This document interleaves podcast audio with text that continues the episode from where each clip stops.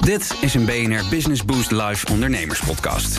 Mijn naam is Conor Klerks en voor mijn microfoon staat... Ivo Veken voor de groei.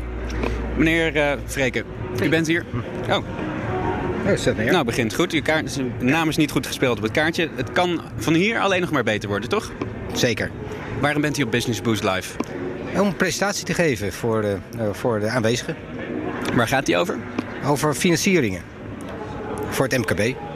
En dan kunnen we denken aan aparte vormen, nieuwe vormen. Het is een nieuwe vorm van financieren. Hè. De traditionele weg is natuurlijk de banken, maar er is een hele alternatieve financieringsmarkt die is daarnaast eh, ontstaan waar wij een onderdeel van zijn.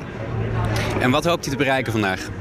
Ik hoop veel nieuwe ondernemers te spreken. En eh, uiteraard hoop ik dat ze eh, ook investeren en, eh, en lening aanvragen via Voor de Groei. En wat is de pitch? Waarom moeten ze bij u zijn? Nou, het is sneller, het is beter, het is persoonlijker. Nou, eigenlijk bij alles beter dan de banken. Nou, we gaan het zien.